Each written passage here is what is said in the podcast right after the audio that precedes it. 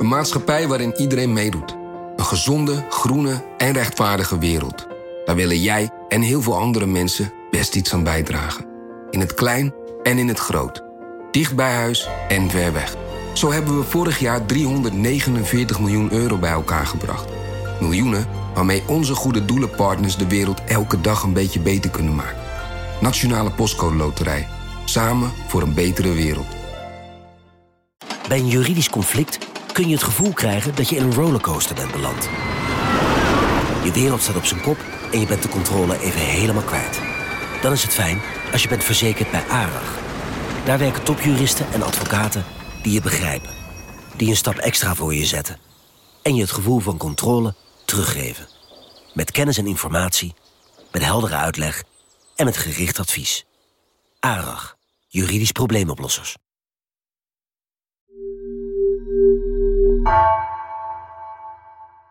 Vanaf de redactie van NRC het verhaal van vandaag. Mijn naam is Egbert Kalsen.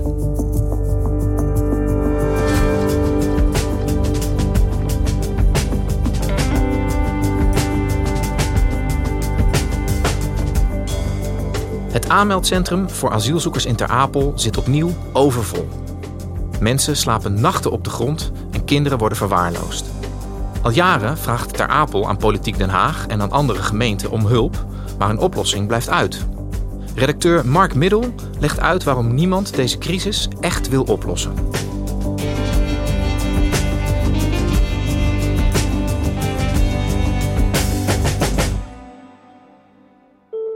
In het opvangcentrum in Ter Apel zitten opnieuw honderden mensen te veel. Het zou gaan om een overschrijding van 600 mensen, meldt RTV Noord. Een opmerkelijke uitspraak van de Groningse burgemeester Schuiling in het blad Binnenlands Bestuur noemt hij het opvangkamp voor asielzoekers in Ter Apel ons eigen Lampedusa.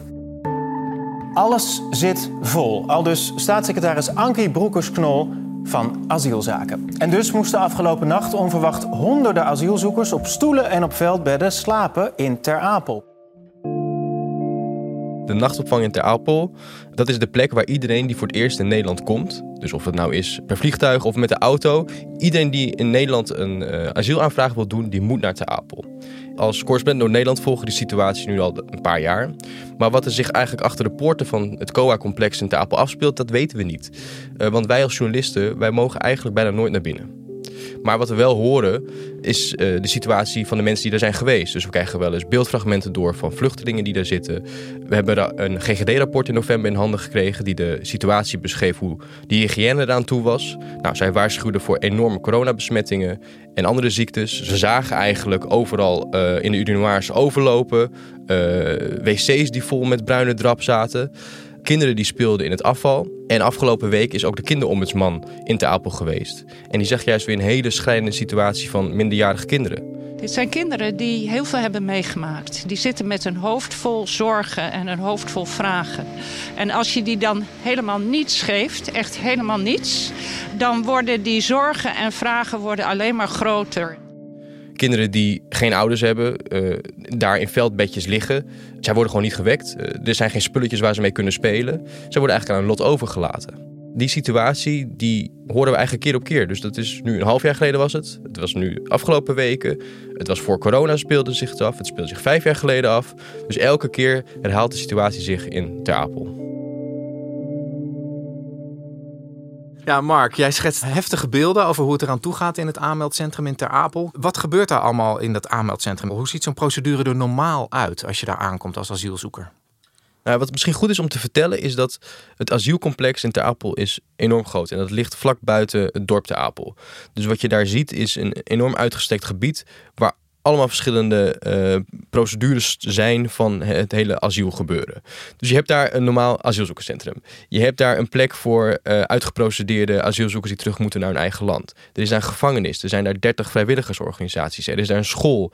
Uh, er is daar een afdeling voor minderjarigen. Allemaal verschillende onderdelen. En één onderdeel daarvan is ook het aanmeldcentrum met daarbij een nachtopvang. En eigenlijk dus iedereen die als eerste in Nederland aankomt en uh, hier een status wil aanvragen, die moet naar Ter Apel om zich aan te melden. En dan kom je binnen eigenlijk bij de IND, uh, dus de Immigratie- en Naturalisatiedienst. Dan komt de politiecheck. Uh, er komt een registratiegesprek met de IND-medewerker. Waar kom je vandaan? Heb je documenten? Wat kom je hier doen? En dan eigenlijk moet je binnen zes dagen weer doorstromen naar een AZC... waar je te horen krijgt of je in Nederland mag blijven of niet. En het probleem is alleen dat uh, die nachtopvang die heeft plek voor 275 mensen. Als er dus heel veel mensen tegelijk naar Nederland komen en zich aanmelden in Ter Apel, dan loopt het daar vast. Want we kunnen niet opeens honderden gesprekken per dag meer gaan voeren. Ander probleem is, is dat het heel moeilijk is om door te stromen naar een normaal asielzoekerscentrum, omdat die ook allemaal vol zitten.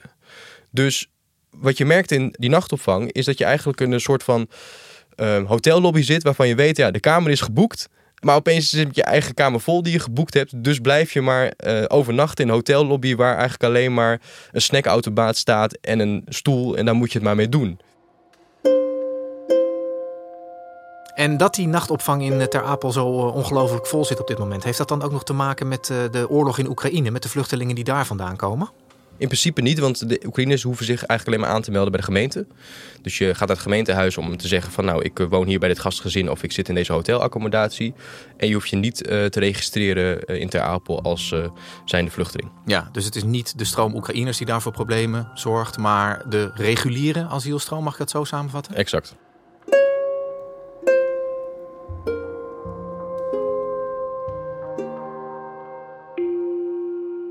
Ter Apel is dus het enige aanmeldcentrum in Nederland hè, waar je dus al die asielzoekers naartoe moeten. Het ligt in de buurt van Emmen. Hoe is het zo gekomen dat juist daar dat aanmeldcentrum is geplaatst? Wat, welk idee zit daarachter? Ja, we spreken over uh, Oost-Groningen.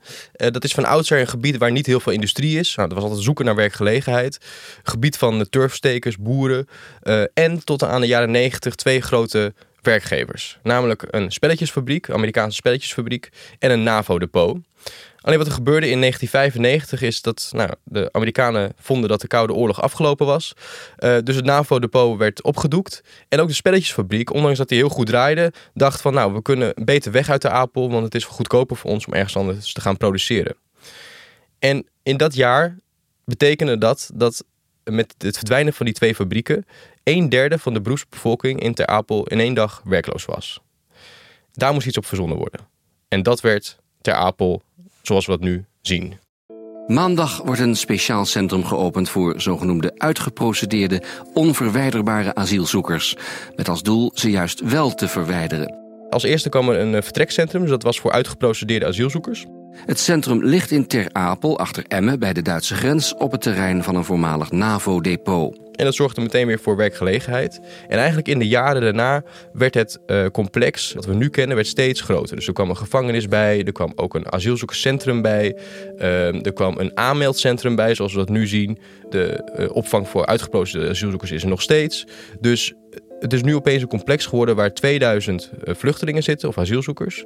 En waar de werkgelegenheid is voor ongeveer 1100 mensen. Ja. En dat is enorm veel voor een dorp van, nou, laten we zeggen, 9, 10.000 inwoners. Maar het was dus ook echt bedoeld zowel om één plek te hebben om zeg maar al die uh, vluchtelingen, al die asielzoekers op te vangen. Hè, alles bij elkaar, misschien administratief ook handig. Plus zeg maar werkgelegenheid voor de regio. Ja, en er is ook een soort van symbiose ontstaan in Ter Apel. Dus wat je je, ziet ook daadwerkelijk heel veel asielzoekers in het dorp zelf. Bijvoorbeeld bij de Jumbo. Daar staan ze als host om iedereen te verwelkomen. Om iets weer terug te doen aan het dorp zelf.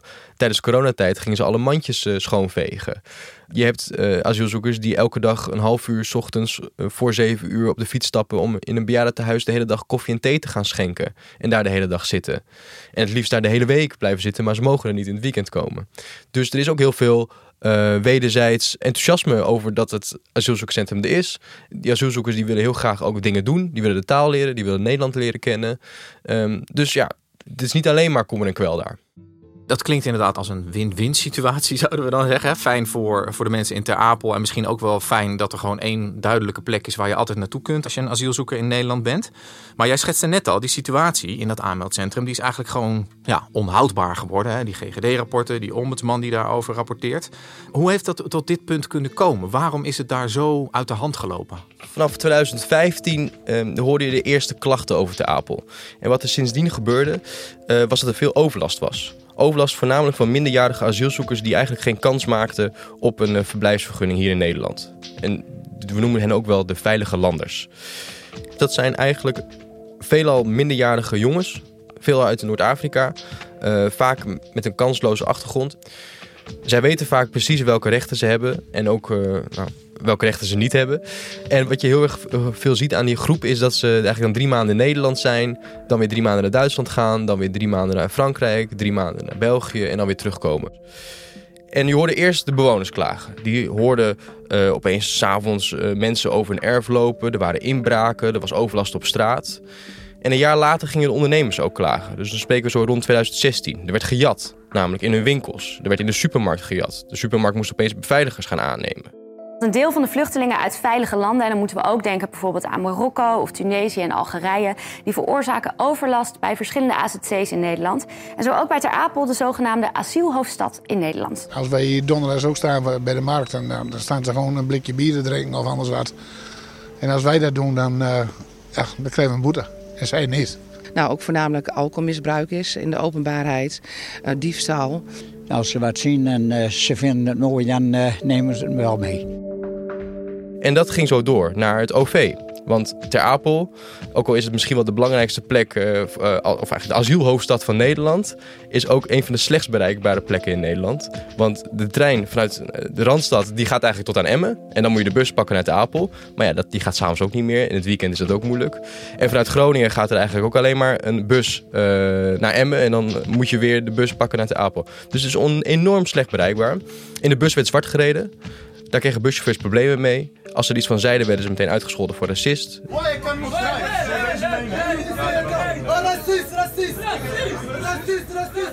Er werd ook heen gespuugd. Dus ook op een gegeven moment zeiden de buschauffeurs ook van... nou, tot hier en niet verder, het is nu genoeg geweest. Daarna uh, verplaatste die overlast zich naar het treinpersoneel. Het treinspoor van Zwolle naar Emmen is eigenlijk het enige treinspoor in Nederland... waar uh, beveiligers op uh, de trein zijn elke dag. En waar je ook gecheckt wordt voordat je de trein ingaat... of je wel een vervoersbewijs bij je hebt. Desondanks heb je daar ook verhalen over uh, conducteurs die tegen hun hoofd aangeschopt zijn... die uit de, zelf uit de trein geduwd zijn. En iedereen kent die beelden van buschauffeurs die uitgescholden worden... treinpersoneel waarop gespuugd wordt... Um, dat ging eigenlijk door naar de rest van het land. En eigenlijk heeft die hele groep het uh, verpest voor het draagvlak, ook in de rest van het land. Die bereidheid om te helpen vanuit andere gemeenten wordt dus heel erg bemoeilijkt door al die verhalen van die problemen in het OV en die dingen die jij schetste. Het rumoer en de Veilige Landen zorgt ervoor dat er eigenlijk geen draagvlak is bij andere gemeenten om asielzoekers op te vangen. En daardoor raakt de Apel vol. Want als er geen plek is om mensen op te vangen, uh, dan ja, iedereen belandt uiteindelijk in de Apel en je gaat ook geen mensen op straat laten liggen. Dus de Apel zegt van, ook al is er hier maar plek voor een x aantal mensen, ja, we gaan niet uh, de poort s'avonds voor je sluiten, dus kom maar. Uh, en we hebben nog wel ergens een veldbedje liggen. Maar op een gegeven moment zijn ook de veldbedjes op. En dan krijg je dus die situatie die beschreven wordt in GGD-rapporten van urinoirs die overlopen, poep dat uit de toiletten loopt, omdat het eigenlijk te vol is. En dan denken ook de mensen in Ter Apel van, wij zijn een sociaal land. We zijn ook solidair aan iedereen. Maar we willen eigenlijk ook solidariteit uh, van de rest van Nederland. En help ons, want wij kunnen niet in ons eentje aan. En we vangen al 2000 mensen op. Hey, en die gemeenten die zijn dus terughoudend. Uh, maar het COA zelf, hè, dus het Centraal Orgaan Opvang Asielzoekers, die dus dat aanmeldcentrum bestiert, kunnen die uh, voor een oplossing zorgen? Kunnen die Ter Apel helpen? Nou, zij zijn gebonden aan vergunningen. Dus wat zij mogen doen in Ter Apel is 2000 mensen opvangen. En waarvan 275 in de nachtopvang. Alleen, als er dus honderden mensen op een dag binnenkomen, dan gaat dat natuurlijk nooit lukken. Maar ook als er in de asielzoekerscentra en de rest van Nederland geen plek is, ja, dan kan er weer niemand uitstromen. Want een heel groot probleem is dat er eigenlijk genoeg plekken zijn in de asielzoekerscentra, maar dat er 13.000 statushouders, dus dat zijn mensen die een uh, vergunning hebben uh, en in Nederland mogen blijven, daarvoor is geen huis te vinden of geregeld. Dus er zitten 13.000 mensen vast in een AZC, terwijl ze eigenlijk al recht hebben op een woning in Nederland. En als die mensen een woning zouden hebben, dan zou eigenlijk het hele probleem van Ter Apel en van de overvolle AZC's zou al lang uh, verholpen zijn. En wat ze met COA hebben gedaan is vanwege uh, corona hebben ze een paar uh, paviljoententen neergezet achter op het terrein. Dus dat is op een heel groot grasveld, helemaal nou, twee kilometer achter de poorten van Ter Apel, staan grote witte tenten een soort van feesttenten zoals ik die ken uit het dorp waar ik vandaan kom. Maar ja, voor daarbinnen is het zeker geen feestje. Daar komen dus die schijnende verhalen vandaan. Want dat zijn geen plekken die gemaakt zijn als een, nou, echte opvang met stapelbedden en een goede wc's en een goede plek om te eten. Het is allemaal best wel improvisorisch gemaakt. En Co heeft die eigenlijk laten staan, want ja, corona is natuurlijk nog niet afgelopen. En heeft ook illegaal eigenlijk een tenten bijgeplaatst voor de voorzieningen om het weer nou, iets beter voor de mensen te regelen. Maar dat staat niet in de vergunning. Dus die moesten ze na een weekend ook meteen weer afbreken van de gemeente, want ze hadden dat eigenlijk illegaal gedaan. Hoe wordt hier in Politiek Den Haag dan naar gekeken? Zou daar dan niet de oplossing moeten liggen? En daar ligt ook al heel vaak de oplossing, want er is al heel vaak aan Ter Apel beloofd we komen met een tweede aanmeldcentrum. We gaan nieuwe plekken creëren. Uh, we gaan huisvesting uh, regelen. We zorgen ervoor dat gemeenten asielzoekers gaan overnemen. Keer op keer worden de beloftes gedaan aan Ter Apel. En keer op keer worden ze niet waargemaakt. En hoe komt dat? Ik bedoel, kan, kan Den Haag dat niet uh, regelen? Kunnen ze dat niet afdwingen? er zijn verschillende uh, regelingen die, bepalen hoeveel statushouders en hoeveel asielzoekers gemeenten moeten opvangen. Niet alle gemeenten houden zich daaraan. Dat is ten eerste een probleem. Dus de solidariteit onder gemeenten is niet overal even groot. En daarnaast zie je dat Politiek Den Haag niet echt doorpakt en misschien wel zelfs niet kan doorpakken, omdat ze, ze kunnen geen dwang uitoefenen op gemeenten. Dus de vorige staatssecretaris Ankie Broekers-Knol, die had tijdens de vorige schrijnende situatie in Ter Apel, dat was in november, december, toen had staatssecretaris Ankie Broekers-Knol had beloofd dat ze half januari met een tweede aanmeldcentrum zou komen. Ik heb het nog niet gezien. Afgelopen half januari, nee, dat, is, uh, dat moment is voorbij. dat moment is voorbij, ja. We zijn dus nu in april, dus dat is er nog steeds niet. Toen kwam een nieuwe staatssecretaris, Erik van den Burg, ook van de VVD. Die zegt nu van, eigenlijk wil hij het liefst drie of vier aanmeldcentra in Nederland. Dus eentje in Noord, Zuid, Oost en West-Nederland. En vanaf deze week wordt het heel erg spannend. Want de vergunning van de nachtopvang houdt op. En vandaag moet het COA alle tenten van de nachtopvang afbreken. En dat betekent dat de staatssecretaris Erik van der Burg nu echt iets moet gaan regelen om opvang te gaan regelen in de rest van Nederland. Wat mij eh, opvalt deze maanden is een hele grote bereidheid bij uh, Nederlanders individueel, maar ook bij gemeenten om die Oekraïnse vluchtelingenstroom op te vangen. En dat je bij die traditionele vluchtelingenstroom, Syriërs, Afghanen, eh, Afrikanen, die allemaal deze kant op komen, dat veel minder ziet. Hoe kijk jij daar tegenaan? Dat voelt heel slecht voor hen in taal. Dat is heel wrang. Ik bedoel, zij zeggen van vanaf 2015 luiden we hier de noodklok. Nu komen er heel veel Oekraïners en nu kunnen we opeens wel mensen opvangen in hotels. Kunnen we mensen wel opeens opvangen bij gastgezinnen thuis. Worden er grote accommodaties geregeld. Maar elke keer als er hier een probleem is, dan lijkt Den Haag en de rest van Nederland opeens heel ver weg. Er wordt wel eens gekscherend in Ter Apel gezegd: doe de poorten van Ter Apel dicht, zet die mensen op een bus en lever ze af in Den Haag. En dan zul je zien dat het probleem binnen een dag opgelost is. Wat ze heel erg in Ter Apel merken is dat eigenlijk het elastiekje de hele tijd opgerekt wordt. Dus er komen steeds meer nieuwe mensen binnen. En steeds wordt er gezegd van ja, het kan niet. En dan rekken ze het elastiekje weer een beetje op. En dan nou, laten we ze toch maar binnen. Alleen het probleem is, het elastiekje zal nooit knappen. Want het gaat om mensen. Dus ook al sluit je de poorten van Tapel, zet je al die mensen die s'avonds dan aankomen in Tapel op een bus en lever ze af in Den Haag. Ja, weet je, dan zal het probleem wel opgelost worden. Maar zij gaan die poorten nooit sluiten in Ter Apel, want ze weten, ja, je gaat niet een gezin nog s'avonds nog op een bus zetten of een gezin buiten de poort laten slapen. Dat doe je niet. Nee. Nou, en dat gevoel, dat hebben ze nu al vijf, zes, zeven jaar. En dan helpt het niet dat uh, voor Oekraïners wel overal plekken uh, gevonden worden. En dat het opeens heel makkelijk en soepel gaat. Dat voelt natuurlijk heel wrang. En hebben zij er nou vertrouwen in dat met die nieuwe staatssecretaris uh, en zijn plannen uh, er een oplossing nabij is voor Ter Apel? Eerst zien dan geloven. Mark, dankjewel. Alsjeblieft.